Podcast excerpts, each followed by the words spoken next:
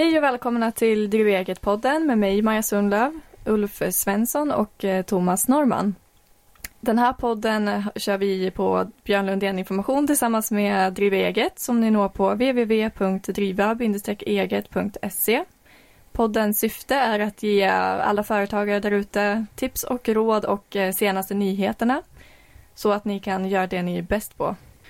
Vi börjar med ett litet nyhetspass här med Ulf och Thomas. Så bollen ner. Ja, tack. Ja. Vi har ju funderat över nyhetspass. Det är hur mycket nyhet som helst kring ett årsskifte. Och så ska vi komma med en del tips och råd också har vi ju tänkt. Men jag tror vi väver ihop det till ett stort sjok liksom. Mm, det blir bra det. Och det blir stora och små nyheter, stort och smått som är på gång. Mm. Ja, det är ju spännande, alltid spännande med nytt år. Och det måste man ju säga att det händer ju faktiskt betydligt mer än vad jag hade förväntat mig. Man trodde liksom att det inte skulle bli så mycket nytt i år, har vi pratat om. Men när man summerar så blir det faktiskt ganska mycket nytt. Vi kan börja med lite smått då. Eh, vi ser nu att eh, 2017 så kommer fler att betala statlig inkomstskatt. Vi har en, eh, det är alltså 13 000 fler som kommer att hamna över brytpunkt 2. Och det är alltså den här högre statliga skatten, den så kallade värnskatten. Ungefär 40 000 fler personer då måste betala statlig skatt 2017. Alltså man kommer över den här nedre skiktgränsen.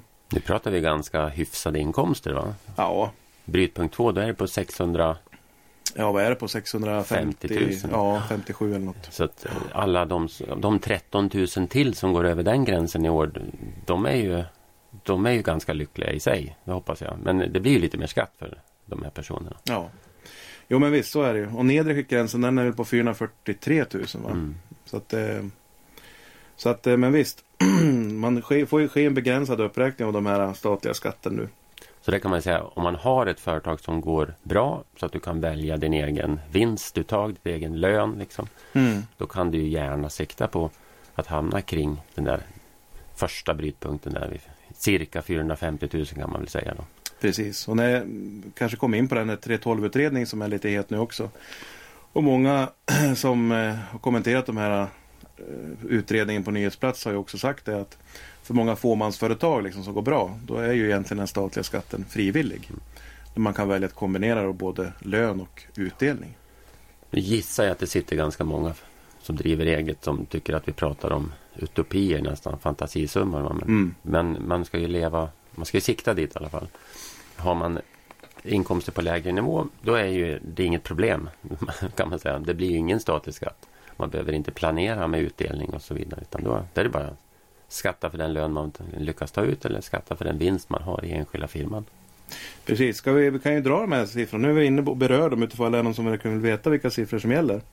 Så brytpunkt 1 när man börjar betala statlig skatt. Och det är alltså då inkomst före grundavdrag, alltså där man egentligen tycker att man tjänar om man får uttrycka sig så.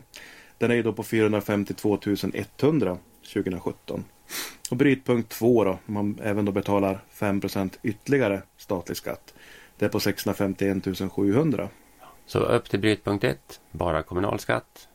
Eh, över brytpunkt 1 kommer det till 20 procentenheter statlig skatt. Och går man över brytpunkt 2 blir det ytterligare 5 procentenheter statlig skatt, så 25 procentenheter. Så hela tiden har man ju bara kommunalskatt upp till brytpunkt 1. Mm. Det är bara statlig skatt därutöver. Så det är ju tänkt att den stora majoriteten betalar inte statlig skatt i Sverige siktet var väl inställt eh, när man gjorde skattereformen 91 på att ungefär 10 procent av de arbetande skulle betala statlig skatt. Nu är vi väl på ungefär 20 procent som betalar. Mm, precis. Sen finns det ju tre nivåer då, liksom det finns eh, sociala skyddsnät då, att sikta på från samhällets sida. Beroende på vart man är i livet så kan man ju fundera på det. Man har ju max sjukpenninggrundande, 7,5 prisbasbelopp. Det är 336 000 föräldrapenninggrundande om man funderar på att vara föräldraledig. Det är på 448 000. Och sen har vi då max PGI, alltså pensionsgrundande inkomst. Det ligger då på 496 305 kronor. Så om man skulle tjäna 496 305 kronor 2017 då spelar det liksom ingen roll om man lägger sig på en miljon eller två miljoner. Va? Man har alltså fått det staten har att erbjuda utav eh, ja, socialt skyddsnät. Ja. Och för en nyföretagare så är det ju väldigt viktigt det här med sjukpenning och föräldrapenning framförallt kanske. Ja. Och då kan man ju om man har enskild firma stå kvar i sin gamla nivå från sin gamla anställning. Ha kvar den lönen som grund kan man säga i två år. Det är Mm. väldigt bra att tänka på. Startar man aktiebolag har man inte det skyddet. Utan då måste man gå på den faktiska lönen man tar ut. Så eh, det är ju en bra startgrej. Och sen när man driver företag så är just sjukpenninggrundande nivån tror jag faktiskt är den viktigaste för alla. Mm. Att eh, man vet att når man upp i 300, vad sa du, 330 6 000. 6 000. Mm. där, därutöver får du inte mer sjukpenning. Så eh, kan man bara lyckas ta sig dit så tycker jag man ska vara nöjd en gång. Jag har ju alltid sagt, eller i många år här på våra skatteträffar, att man kanske ska försöka sikta på max pensionsgrundande om man har möjligheten liksom att kunna planera sin inkomst. Då. Eh, nu är jag väl mer och mer tveksam till det tipset. Det är ju brytpunkterna räknas ju upp långsamt. Mm. Medan pensionsgrundande inkomst det går på inkomstbasbeloppet. Och det ökar ju ganska raskt. Det går bra för Sverige. Vi får ökande löner, fler får arbete, inkomstbasbeloppet stiger. Och vill man göra en sån sak nu, att man vill liksom lägga sig på max PGI, då får man ju då betala statlig inkomstskatt på ungefär 47 000 kronor då. Eh, och då blir det 20 procent ytterligare skatt. Men när man pratar pensionsgrundande, och oftast är det ju artiklar i tidningar om att man inte får någon ersättning alls som pensionär. Va? Och det är klart att inkomsten sjunker ju rejält, alltså när man blir pensionär, det ska man ju vara medveten om. Men samtidigt så är det också bra att veta att upp till PGI så sätter man ju faktiskt av 18 procent eller 18,5 18,5 18,5 procent till och med av din inkomst går ju till din pension. Va? Eh, Ofta i debatten så känns det som att det är ja, 200 kronor och en bullpåse ungefär som man får insatt i pen- pensionssparet. Va? Men det är alltså ganska mycket pengar. Så att du får 20 procent ytterligare statlig skatt. Du får 18,5 till insatt på din pension. Då. Nu kan man inte ställa dem där i paritet med varandra. För att när pensionen faller ut då ska den beskattas och så här. Men förhoppningsvis har de väl också växt till sig, växt till sig lite grann. Då. Vi hade ju en gäst i en tidigare podd, Maja, som pratade mycket pension. Mm. Precis, Anders Engman. Det programmet kan man väl lyssna på igen gissar jag. Absolut. Mm. Alla program ligger ju kvar för alltid. Så det är bara att gå tillbaka i arkivet och lyssna. För Och det- alltid. För alltid, det lät länge. Och det Anders framförallt pratade om det var ju eh, den här delen man kan påverka genom eget pensionssparande, alltså via fonder man väljer själv. PPM-delen, då, Ja. den som är 2,5 procent av de där 18,5. Mm. Och tjänstepension Mm, pratar de också, eget sparande. Precis. Ska vi gå vidare på nyhetsfronten?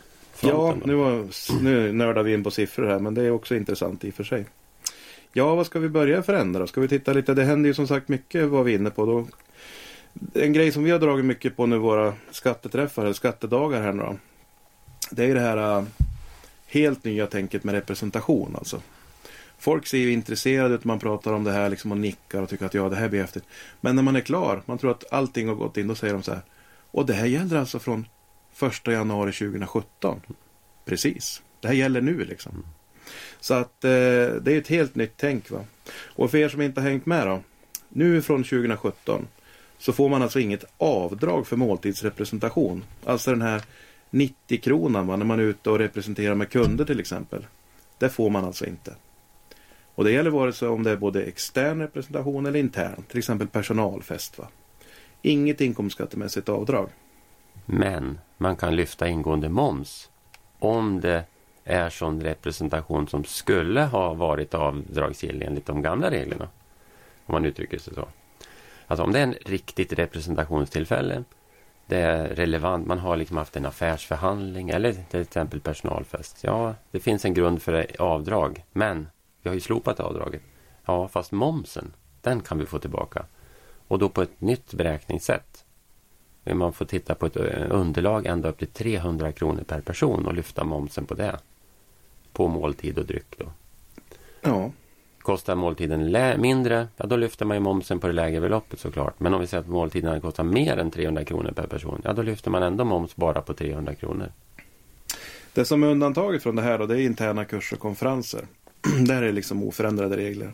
Och det har ju sedan tidigare också varit liksom det mest, det bästa området inom representationsdelen. Liksom. Man har haft fullt avdrag, ingen förmånsbeskattning, fullt momslyft. Då. Eh, så att eh, de där reglerna blir ju oförändrade.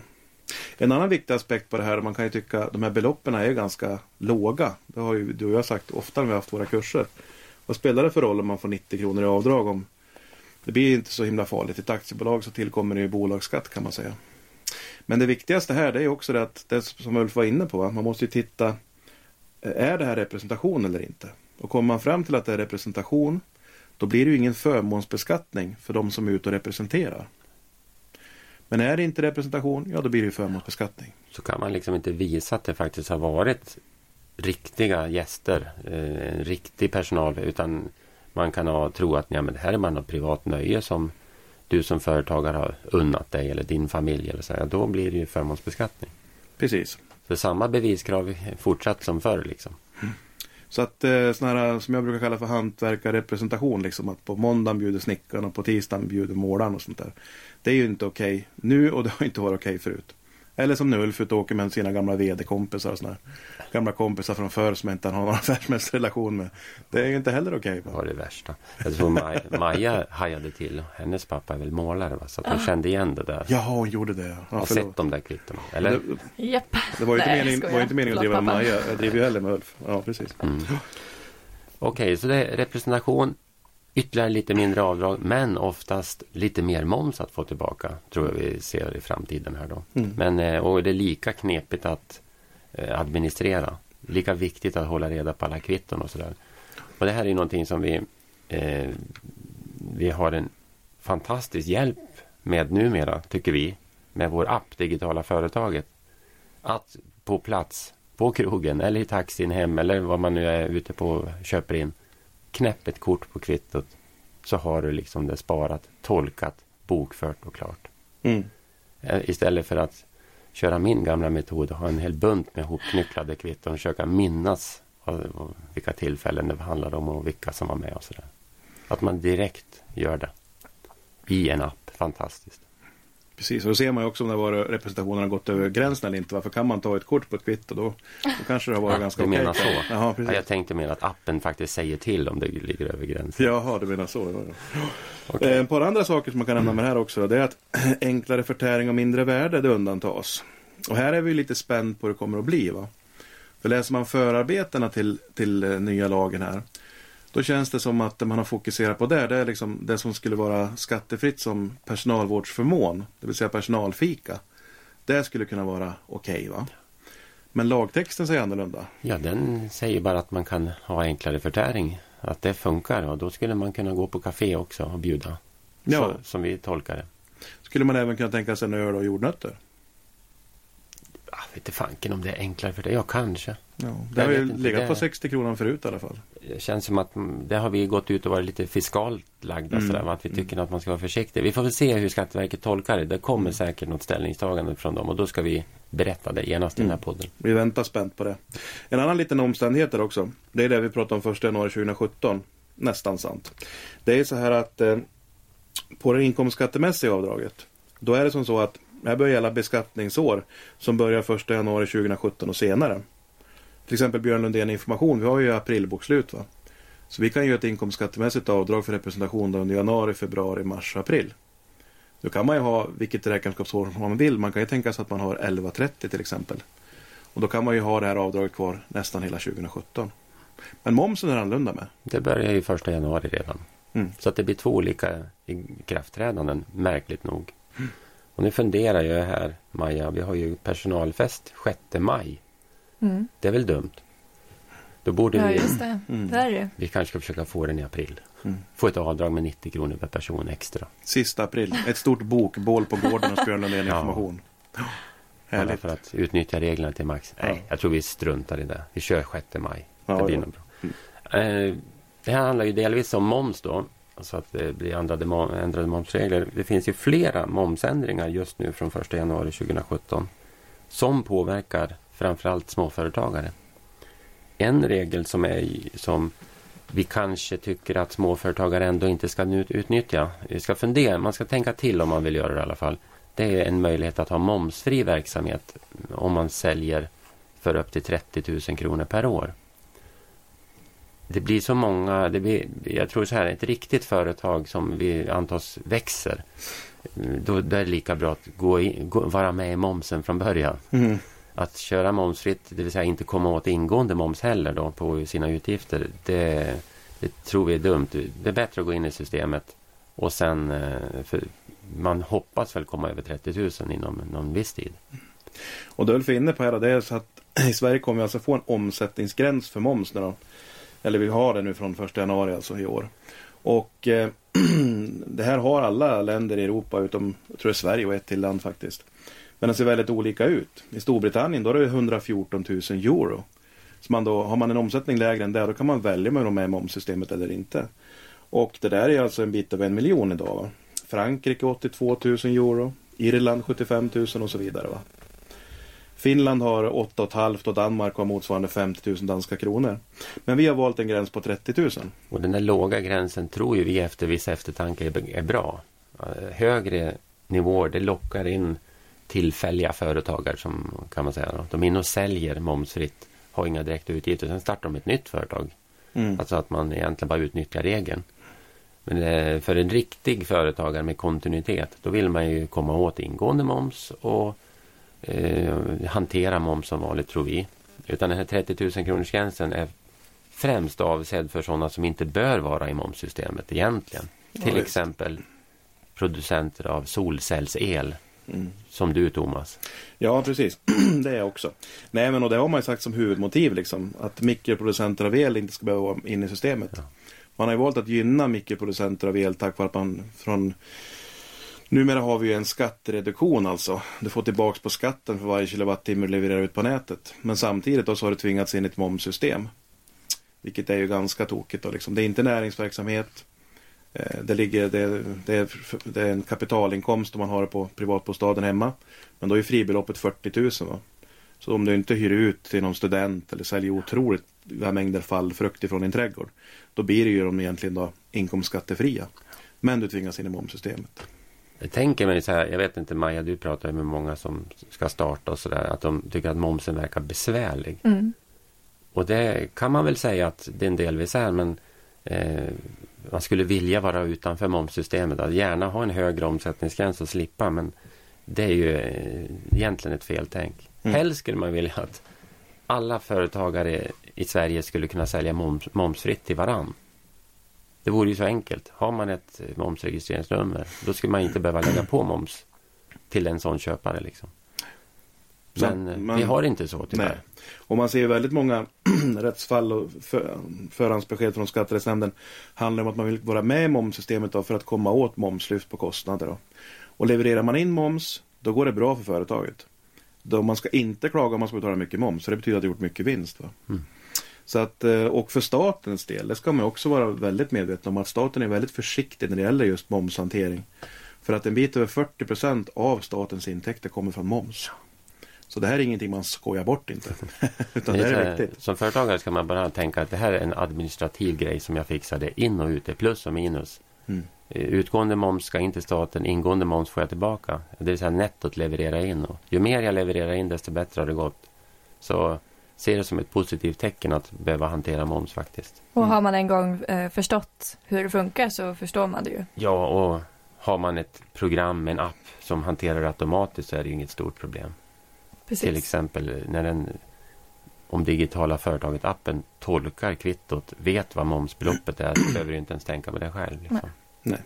Nej, och jag menar, är man nystartad så är det ju inte så himla mycket underlag heller. Så att även om man skulle göra papper alla underlag, om man säger så, och inte vara så digital, så är det oftast inget problem. Utan man har ju en poäng där. Har man en gång bara tagit sig tid och lärt sig så är det faktiskt inte så himla svårt. Nej. Okej, det var momsomsättningsgräns. Om vi, det finns en möjlighet för väldigt små företagare att hamna i det om man vill. Men, men det här, förlåt att jag avbröt, mm. men det här visste man ju om man följer oss på Twitter. För det har ju vi redan twittrat om. Mm. Så det är ett tips. Inte bara ställa frågor via Twitter utan man får faktiskt de senaste nyheterna där också. Mm. Mm. Eh, det är lite mer momsgrejer också. Man kan tänka sig nystart och kanske lite nya branscher och så. Vi har ju fått 12 moms på vissa reparationer nu. Ja, eh, det här är ju en led i så här, klimatåtgärd, sysselsättningsåtgärd. Att vi vill få mer personer anställda i branschen eller starta eget i branscher som handlar om att inte sälja nytt utan återvinna och reparera saker. Ehm, och därför har man sänkt momsen till 12 procent på reparationer av vissa begagnade varor. Såsom cyklar, lädervaror, alltså väskor och sånt där, skor, kläder och hushållslinne. Alltså hemtextilier av olika slag. Här tror vi väl att eh, vissa branscher blir det lite mer fart på än andra. Men det ska vara reparationer Eh, lite lätt förbättringar kan man ju tänka sig. Men det ska inte vara själva varorna som säljs utan det är själva den här tjänsten. Det kan ju ingå lite små detaljer i den här tjänsten. Alltså, eh, om man då syr dit en knapp så kan nog knappen ingå. Men eh, till exempel om du reparerar en cykelslang så tog det inte själva cykelslangen ingå. Den är nog lite väl stor. Mm. Så det blir en eh, slags bedömningsgrund där det blir reparation och vara och sådär. Va? Och det är även service som omfattas faktiskt. Mm. Så att även cykelservice om man vill lämna in en cykel på våren och smörja upp kedjan och växlar och sånt där. Det är okej. För det, Eller okej, man får 12% moms på det. för det pratar man att det förebygger en kommande reparation. Mm. Så förebyggande åtgärder är också med. Liksom. Och förstärkning av lädervara. Ja, precis.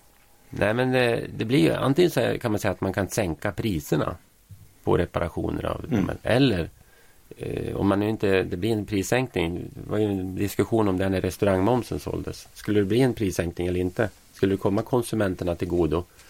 Ja, det blev väl en prissänkning initialt kanske. Mm. Men framförallt så förbättrar det förutsättningarna för en viss bransch. Man får en större marginal. Om man är lägre moms, då blir det en större vinst istället på den tjänsten. Så att man kanske har råd att rekrytera och så vidare.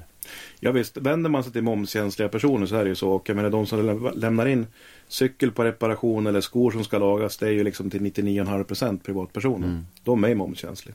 Så här är det kanske man får se. Man får ju hoppas att det här är bra för sysselsättning. Att man får en bransch som ökar här då. Det mår ju Sverige bra av helt enkelt. Eh, några andra nyheter då? Har vi mer på momsen? Ja, vi, inte direkt. Men däremot kopplat till det här med klimat och sysselsättning. Det finns ju Mm. något, en ny skattereduktion, en ny del av RUT-avdraget. Kom, ju- kom ju nu första januari. Det så kallade REP-avdraget. Reparation av vitvaror.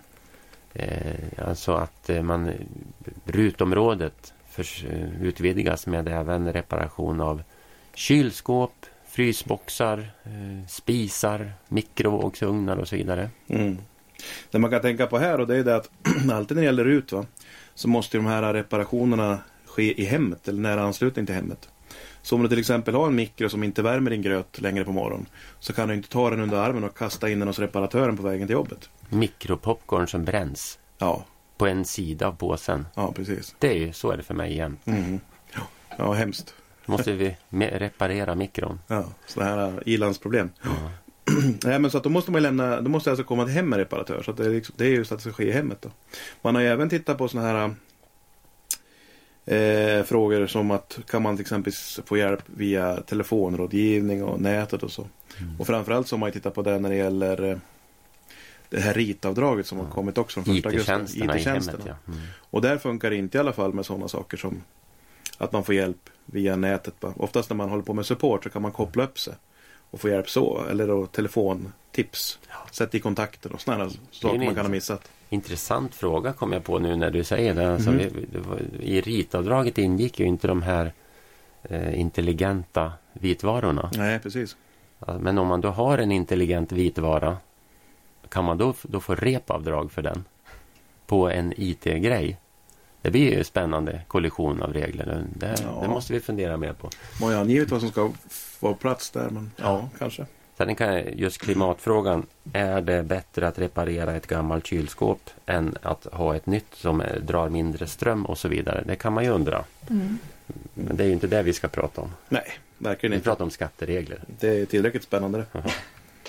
Mm. Nej, men det kan ju också utvidga en viss bransch eller bli lite fler sådana här hembesökstjänster. Precis. Mm. Det vi var inne på, det kanske ska nämna där bara från första augusti så har vi ju fått ett avdrag också. Det är helt nytt som heter RIT-tjänster, alltså IT-tjänster i hemmet då, om vi har missat det. Och det handlar om installation, reparation, underhåll av data och IT-utrustning då. Det är alltså rutområdet alltihop. Det är Ja. vitvarorna, IT-tjänsterna, allting. Mm. Och då kan vi slänga in ett tips. I och med att vi är inne på Mhm. RUT och Ja? ROT. Precis. Bra. Framförallt ROT då kanske. Mm. Det är ju att eh, för åtgärder under 2016, betalningar som är gjort 2016, då måste man söka eh, som hantverkare eller städföretag eller vad man nu måste man söka senast 20, 31 januari 2017. En dag för sent så blir det inget, ingen skattereduktion. Man får inte ut pengar från staten. Och att gå tillbaks till kunden och säga du jag glömde att söka här nu, du får betala extra till mig. Det är ju bara lönlöst. Det går ju inte. Mm. Konsumentköplagarna säger liksom det. Du kan inte kräva mer pengar i efterhand för att du har missat. Liksom. Det är alltså helt omöjligt att... Det är helt omöjligt om du Ja. kommer in första februari. Första året man körde det här, då var det så otroligt många som missade. Så att då, då gick Skatteverket in och la en amnesti, liksom, man fick någon par månader på sig sen. Då. Men sen, se, sedan dess så ringer alltså folk till vår frågeservice som har glömt det här. Och det är ju liksom, de, de, många av dem prövar ju. Skickar in det här ansökan i alla fall. Det är väl till Ludvika det här går också tror jag. Men det är nej, Nej. det är stenhårt alltså. Man kan säga att det finns väl metoder som folk tar till i desperation. Man betalar tillbaks pengarna, krediterar fakturan, gör en ny faktura och en ny betalning på nästa år och så här. Men det där är någonting som Skatteverket kan granska. Mm. Mm. Så att eh, man, ska in, man får inte slarva med datumet helt Men enkelt. då blir det en kundförlust då helt enkelt Då om blir det en kundförlust. Ja. missar. Ja. Vad intressant med det har ju faktiskt Skatteverket uttalat som tidigare. Då. Mm. Att får man ett, gör man sådana där misstag själv, då tycker man att den här förlusten är avdragsgill. Och det som är också, vi har fått besked från Skatteverket här, man tycker också att man kan backa på momsen. Mm. Det vill säga att även momsen då ska man få tillbaka. Och det här, om man inte ja, följt det eller eh, så insatt i moms så kan man ju tycka att ja men det låter väl självklart. Men det är det verkligen inte utan det är ju väldigt hårt för att få tillbaka moms. Det ska vara en definitiv kundförlust och sådana saker.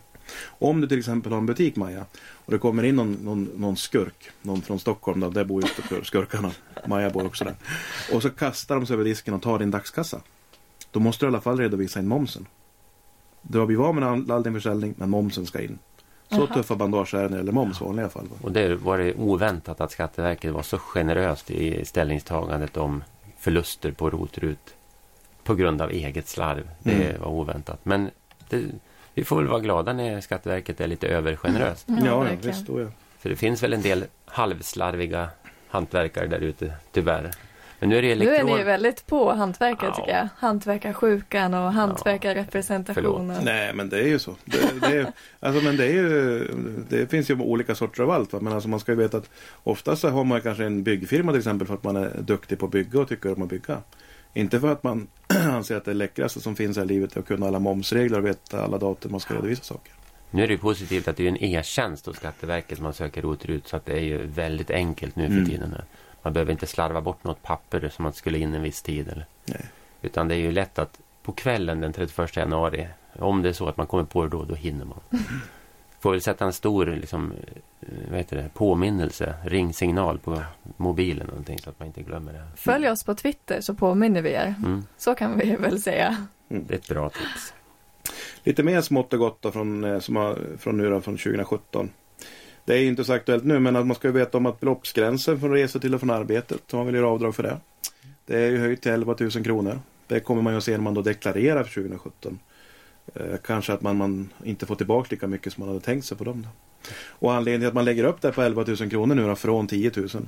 Det är ju det att eh, man kan säga att Skatteverket har hemställt till regeringen att höja den här gränsen. Och det har sin grund då i att eh, Stockholms lokaltrafik har aviserat att deras SL-kort kommer kanske att gå över 11 000 kronor inom en snar framtid. Eller över 10 000. ska Över jag 10 säga. 000, förlåt. Mm. Och eh, Skatteverket är ju liksom vill inte ha in en till en och en halv miljon mälardalingar liksom in i systemet för resor till och från arbetet. Så att då hemställer man om en höjning.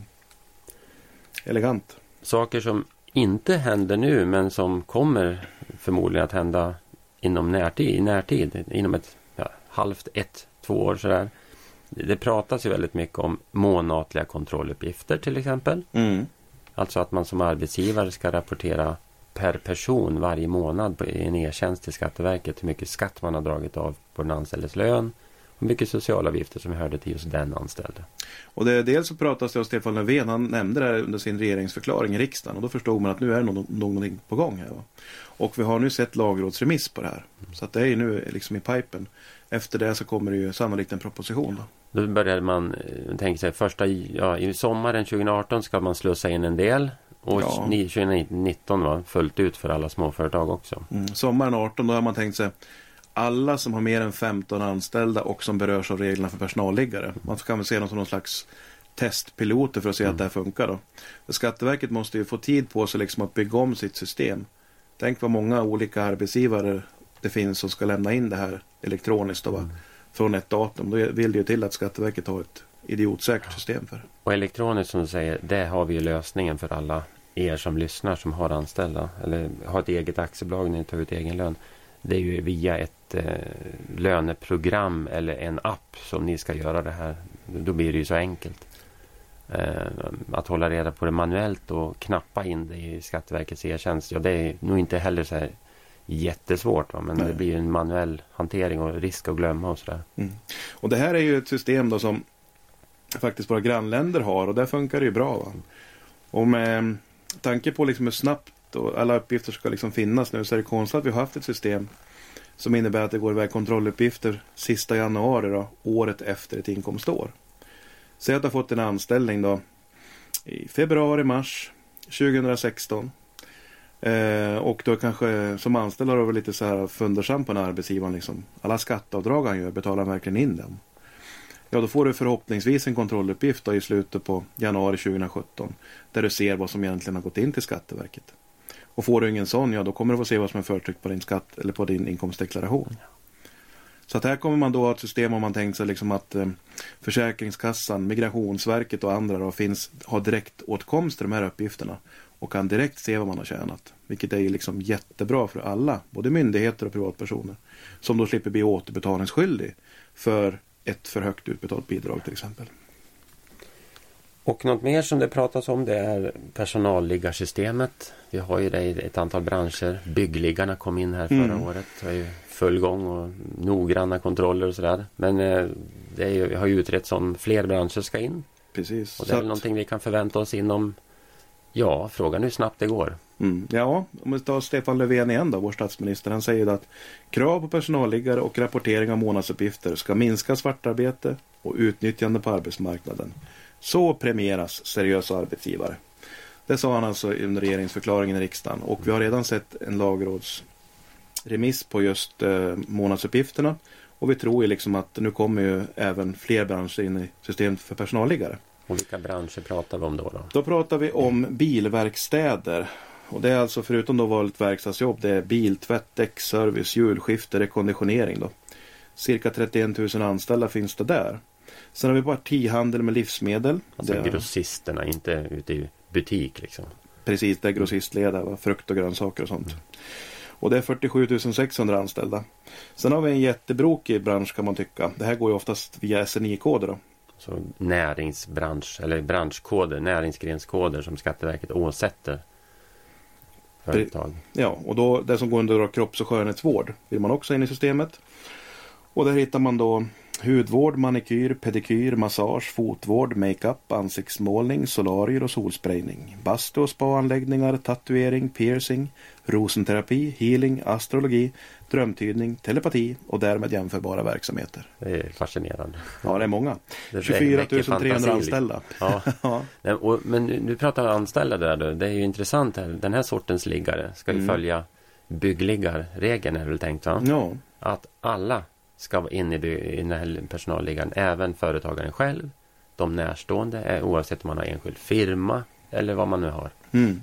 Och dessutom ska den vara elektronisk. Mm. Precis samma regler alltså som gäller för byggbranschen. Då.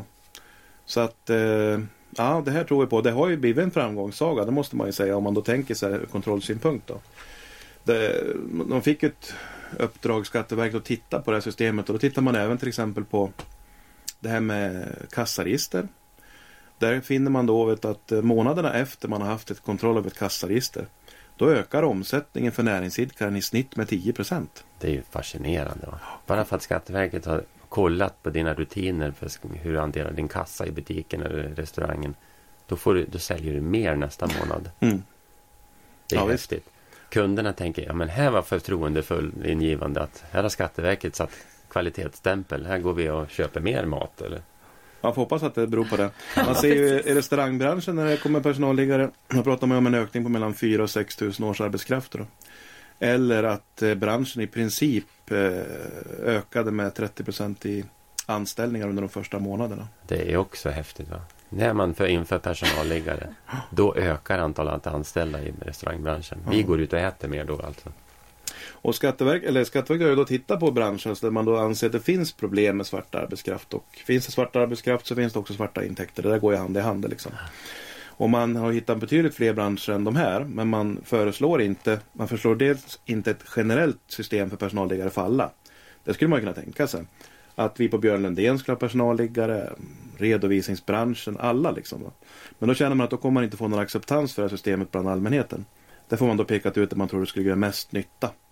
Andra branscher som man ser har problem med svart arbetskraft är ju till exempel bärplockare och sådana bärindustrin. Då.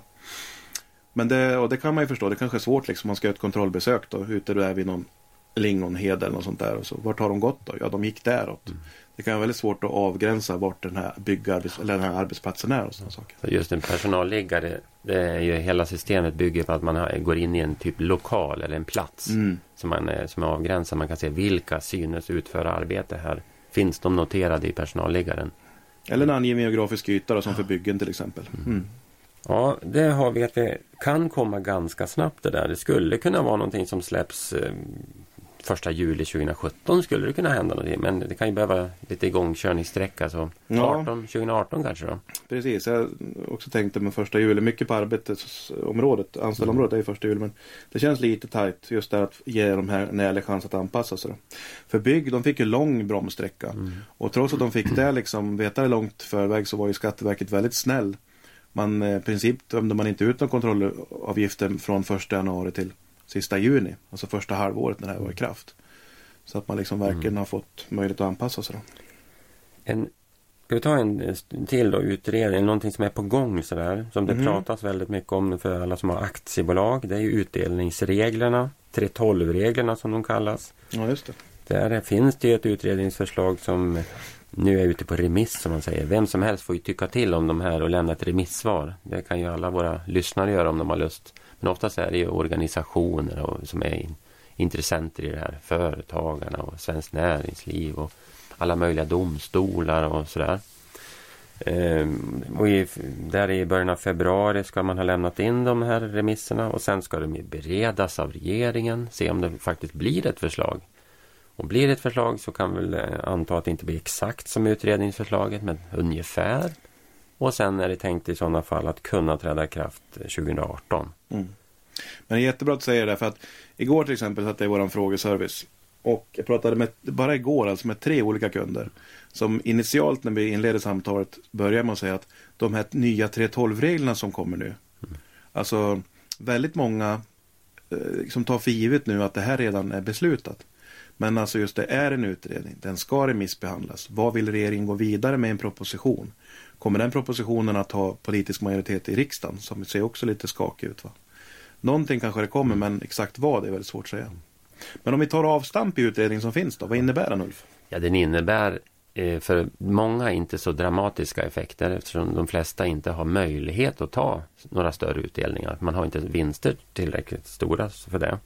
Men i princip då eh, från 20 till 25 procents skatt på utdelning ska det bli från 2018. Det ska bli lägre utdelningsutrymmen varje år att beräkna. Den här schablonbeloppet sänks från ungefär 160 000 till ungefär 107 000. Eh, om man tittar på 2018 års siffror. Men det är ändå per år, alltså det är ju höga tal. Och den stora förändringen är väl framförallt på lönebaserad utdelning. Alltså när man får grunda sin utdelningsberäkning på de löner som har betalats ut i företaget. Då blir det ju inte hälften av lönerna rakt av utan det blir en stege. På en viss nivå 10 procent och på nästa nivå 25 procent av lönerna och sen när man kommer upp till eh, lite knappt 4 miljoner i löner, ja då blir det 50 procent av lönerna. Så större företag kommer inte märka av förändringen alls. De mindre kommer att kunna märka av det om de har haft möjlighet att beräkna och utnyttja utdelning. Mm. Eh, så det kan man väl tycka är lite synd med förslaget. Att de som berörs av just till stora delar i alla fall med förändring av löneunderlag och sånt där. Det är ju då mindre företag. Mm. Då. Och det är klart visst. Det är från 20 till 25 procent beskattning och så. Då. Men samtidigt så är det ju fortfarande eh, man läser mycket media så här så vissa framförallt företrädare från intresseorganisationer får ju det här att framstå som ett dråpslag. Liksom. Och visst det är en förändring men om man säger så här om man om man skriker varg för ofta, vad ska man då skrika liksom när det kommer ett dråpslag? Ja, ett riktigt dåligt förslag. Det här är en viss förändring som till det sämre, det är ju ja. det är klockrent. Mm. Men jämför vi med reglerna hur de var 2013, då är det som en återställare. Alltså 2014 fick vi den här kraftfulla förbättringen. Nu återställer vi snarare mot 2013 års nivåer. Mm. Och definitivt är det bättre än 2006 års nivåer när den stora positiva förändringen kom på utdelningsbeskattningen. Mm. Så att tittar vi till 2005, ja då är det inte, går det ju inte att jämföra hur mycket bättre det fortfarande kommer att vara. Så att det är, eh, att man ska sätta det lite i proportion och lite i relation till vad som har varit förut så ser vi att det blir fortsatt väldigt gynnsamma utdelningsregler för alla. Men det blir något sämre för vissa än det har varit de sista åren som det kanske har varit lite för bra. Man kan ju säga att jag menar det är ju enorma utdelningsutrymmen som får beräknas på landets alla K10. Liksom. Men man ska ju även finnas vinster att ta ut dem. Man pratar om att det kanske finns 700-800 miljarder i sparat utdelningsutrymme på landets alla K10. Och det där är ju liksom pengar som ingen, eller ja, det är klart att vissa kommer att kunna ta ut det givetvis. Men, men väldigt eh, stora delar av det här kommer ingen att kunna ta ut för sådana vinster finns det inte. Och då är det frågan om, liksom, ska man då ha regler som är så bra så att, ing, så att väldigt många inte kan nyttja dem egentligen? Det kanske finns andra delar inom den här delen som man kan förbättra för företagare. Ja, för de flesta småföretagare är det inte utdelningsreglerna som skulle behöva förbättras särskilt Nej. mycket. Nej. Utan den allmänna skattesituationen tror jag. Mm. Ja, så då, där kan man sitta lite lugnt i båten. Vi återkommer i den här frågan under 2017. Nu är det ju, jag vet inte vad vi har för tittargrupp här, men vi märker också att tittargrupp, lyssnargrupp. vi märker också liksom att väldigt många konsulter och kedjor och sådär kanske ger sig ut nu och vill konsulta runt de här reglerna. Och, och det är klart, vissa kanske ska titta över siffrorna även i år. Va? Men som sagt, för de allra flesta så är det inte så dramatiska förändringar. Om vi gissar lite, lite mer i den här spåkulan då kommer även bolagsskatten i Sverige sannolikt att sänkas. Och då kommer den här 25-procentiga skatten på utdelning att vägas upp av en lägre bolagsskatt. Så att då kommer vi tillbaks till en bra situation igen. Mm. Som totalt sett på själva skattenivån. Så att eh, jag, jag, skulle sitta lugnt i båten. Alltså. Inte oroa mig. Inte satsa pengar på en konsult för att få veta vad jag kanske skulle ha gjort. Och eh, om Ulf har börjat titta i spåkulan kan man säga att kommer det förslaget så kommer det sannolikt i kombination med någon slags begränsning i rätten att dra av eh, för räntor. Eh, som vi får göra väldigt fritt i Sverige. Då. Alltså, ränteavdrag för bolag, att, att de inte ska få dra av alla sina utgiftsräntor. Mm. Så kommer det bli en begränsning av i sådana fall. Och ska vi lägga en politisk aspekt av det här med spekulationer då. Så Vänsterpartiet som då stödjer regeringens eh, ekonomiska politik. De har ju varit det parti kanske som hårdast vill driva det här med även avdragsbegränsning i för räntor, alltså för privatpersoner då. Tycker att man kanske ska trappa av det. Då. Så det är möjligt att det finns, blir ett stort sånt här system va, så att man kanske kan få med även Vänsterpartiet på, på båten även om man pratar du, sänkning av bolagsskatten vilket är väl inte den fråga de driver allra aktivast. Mm. Eller så ser man ett helt nytt politiskt samarbete. Ja, vi får se. Vi har ju en mm. omvärld också där eh, sänkning av bolagsskatten verkar vara det enda de pratar om just nu. Ja. Liksom. USA, Ungern, England. Ja, England, precis. Nu har vi haft Brexit. Nu sänker vi bolagsskatten så vi är med på banan i alla fall. Mm. Men du, det är lite grann en, en grej, en annan grej som mm. faktiskt gäller enskilda firmor. Ja, Lexa-stödet. Lexa-stödet får vi inte hoppa över. Nej, jag tänkte ju säga, ska vi runda av nyhetsfoket ja, här? trodde du ja. Trodde du, ja. Nej, det gäller alltså, det är alltså en skatterabatt vid anställning just i enskild firma. Det kan man ju tycka är lite märkligt stöd. Va? Men man har valt att göra så här nu då. Det här gäller alltså den först anställde under ett år i en enskild firma. Då kan man få ett eh, växa-stöd som det heter då. Och det innebär att man betalar särskild löneskatt. Det vill säga 10,21 procent istället för arbetsgivaravgiften då. Eh, för den här personen under ett års tid och på löner upp till max 25 000 kronor i månaden. Eh, finns lite villkor förstås. Jag skulle hitta någon som är född 37 och tidigare. Det kanske inte är så otroligt vanligt. Då blir det inga avgifter alls. Villkor då? Ja, det, man ska jobba minst 20 timmar per vecka. Och det ska vara en anställning på minst tre månader. Sen har man ju även varit så lurig när man aviserar här att man sa det att det här gäller anställningar från 1 april 2016 och senare. Och det sa man ju då för att inte få någon slags inlåsningseffekt. Va? Så att om det nu var några enskilda näringsidkare som skulle vilja anställa så fanns det liksom ingen anledning att vänta med den anställningen. Där. Vi får se hur det här slår. Jag menar vissa belackare av det här förslaget tycker det är liksom att att anställa är i sig en riskfylld verksamhet. Riskfylld verksamhet ska man bedriva i aktiebolag. Varför vill regeringen att man ska bedriva riskfylld verksamhet i enskild firma? Så kan man se det. Det här gäller ju första anställda och förhoppningsvis så kanske man som enskild näringsidkare tycker att oj, det var ju läckert att vara anställda. Nu är det någon som tjänar pengar åt mig och jag kan ta det lite lugnare. På så vis så får man en ökad sysselsättning och då kan man ju då gå över i ett aktiebolag. Om man ska vara lite positiv så får man väl se det så då. Ja. Så att eh, det kanske inte är så att man ska bara lockas in att anställa av det här stödet. Men om man nu anställer så kommer man ju få en lättnad i 12 månader som är det är ju bara det är en bonus. Mm. Så man ska ju känna till att det finns i alla fall. Det, kommer ju, det, det finns ju en eh, egen rad på att hantera det här på arbetsgivardeklarationen. En kortis man kan säga också det här med ett slopat tak för uppskov och ändrad metod för beräkning av uppskov. Den pratar vi kapitalvinst vid försäljning av bostad. Det har beslutats nu av riksdagen och det här har vi pratat om i, i tidigare sådana här internetradiosändningar som vi har. Så då kan ni gå tillbaka och lyssna på det då. Slipper vi dra igen. Precis. Var det allt? Ja, det tycker jag. Ja, alltså nu, vi skulle ju kunna prata i timmar som du märker. Jag vet. Vi gör ju det på våra skattedagar. Ja, precis. timmar. Ja, vill man veta mer, eh, signa upp på en eh, skattedag Mm. i Stockholm, Göteborg, Ja, eller Malmö. köp e-kursen. Gävle, Örebro. Uppsala, Umeå, Ja. Eller e-kurs, precis. Eller e-kursen. e-kursen. Just det. Men då så, då tackar vi för oss och podden är som vanligt redigerad och klippt av Linus Näslund och gingen är gjord av Elias Fyr. Tack Hejdå. så mycket. Hej. Tack, tack. Hej.